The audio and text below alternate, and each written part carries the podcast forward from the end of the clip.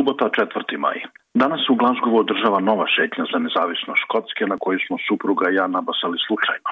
Policija kaže da se okupilo preko 30.000 ljudi. Mi stojimo sa strane kao blagonakloni posmatrači. Dok gledamo uglavnom veselu i duhovitu povorku, tu su i Darth Vader u kiltu i fotka Meg Ryan koja uzdiše yes, yes, yes iz čuvene scene, ponovo konstatujemo da škotsko društvo uspeva ovom ni malo lakom temom da se bavi na jedan pristojan i civilizovan način, uglavnom bez ekstremne retorike i incidenata. U razgovoru sa engleskim prijateljima koji ovde žive, nekoliko puta smo se zapitali da li su škotski nacionalisti na vlasti već više od 10 godina zaista uspeli da naprave jedno inkluzivno društvo u poređenju sa kojim post-brexitovska Engleska deluje inferiorno.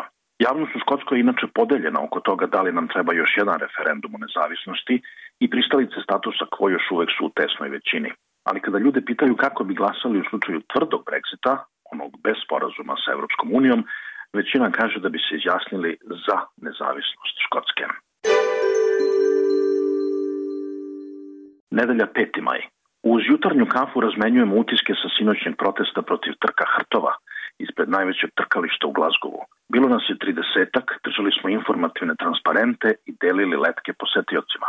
Ako se bar neko od tih ljudi ili njihove dece koja nas bunjeno gledaju dok ulaze na stadion zamisli i možda reši da prestane da odlazi na trke, makar to bila i jedna osoba, nešto smo postigli. Trke hrtova su jeftina celovečanja zabava fokusirana naravno na klađenje. Psi su tu samo sirovina, mašine za pravljenje para. Ako ne trče dovoljno brzo ili su trkama povrede, surova ih sudbina čeka.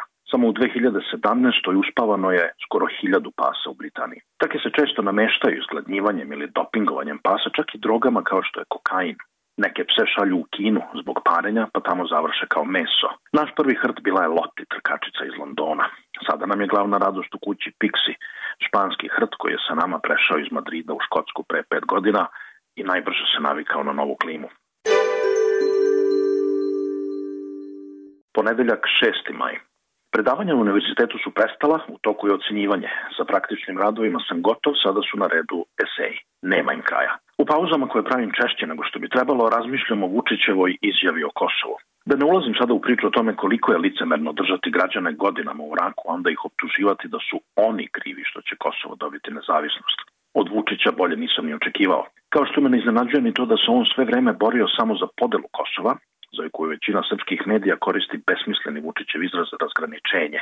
I opet su kosovski Srbi i vlastima i građanima u Srbiji poslednja rupa nasvirali a čvrsto verujem da bi njihovi interesi najbolje bili zaštićeni kada bi Srbija uslovila neformalno priznanje nezavisno Kosova maksimalnim ustavnim garancijama za Srbe i ustupcima koji bi tim ljudima osigurali bezbednost i čvrste veze sa maticom. Utorak 7. maj. Malo smo se odmorili od Brexita ovih dana, ali sada se stvari vraćaju u normalu i ludilo se nastavlja. Torijevci pritiskaju Terezu May da saopšti kada će podneti ostavku, oni bi volili da to bude što pre, a laburisti ne mogu da prelome šta zaista hoće. Opet će, bar na kratko, da profitira onaj prevarant Farage koji uživa u svemu ovome i to, sve više verujem, uopšte zapravo ne želi Brexit, jer mu izlazak Britanije iz Europske unije ubija smisao postojanja. Po svemu sudeći drama će se završiti nekakvim mekim Brexitom, a Britanija će ostati duboko podeljena još dugo vremena.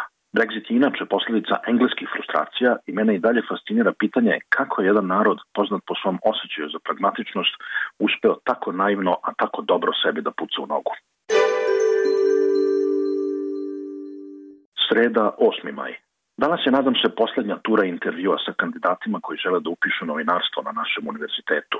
Ja sam na odseku zadužen za organizaciju tog procesa i ne mogu da dočekam da se završi. Britanski sistem za upis na fakultet je centralizovan i zamišljen tako da studentima omogući što veći izbor. Oni se prijave na pet mesta istovremeno, pa ako dobiju više ponuda, vagaju gde će da odu. To nas, sa ove druge strane, tera da dajemo više ponuda nego što imamo mesta i da posle gledamo u pasulj hoće li nam ti kandidati doći. U Škotskoj je visoko obrazovanje besplatno, što je divno, ali nama to stvara dodatne probleme. Ako nam se upiše manje studenta nego što je predviđeno, ne valja, jer univerzitet ostaje bez zarade od njihove školarine. Prebacimo broj, opet ne valja, jer onda škotska vlada koja plaća te školarine u univerzitetu nameće novčane kazne. Divota jedna. Četvrtak, 9. maj. Ima kod nadrealista onaj skeč o fabrici za proizvodnju ništa u kojem šef objašnjava da se sirovina pere bornom vodom iz nuklearne elektrane Krško, pa kad ga novinar pita pa je li ta voda radioaktivna, Ovaj odgovori, ona nije radioaktivna, ona je malo radioaktivna. Kao i doktorat Siniše Malog. Nije prepisao, on je malo prepisao. I opet vlast u Srbiji pokazuje da može dublje i gluplje od najbolje satire i komike. Nije bitan Siniša Mali ovde. On će kad tada padne i ovo će doći na svoje mesto. Bitna je poruka koja se ponovo šalje mladim ljudima u Srbiji da je ceo sistem vrednosti okrenut na glavačke i da oni koji u tome vide problem stvarno nemaju šta da traže u toj zemlji. Petak, 10. maj. Danas više nema zamajavanja, mora da se odmakne sa ovim ocenjivanjem, imam još nedelju dana da sve završim.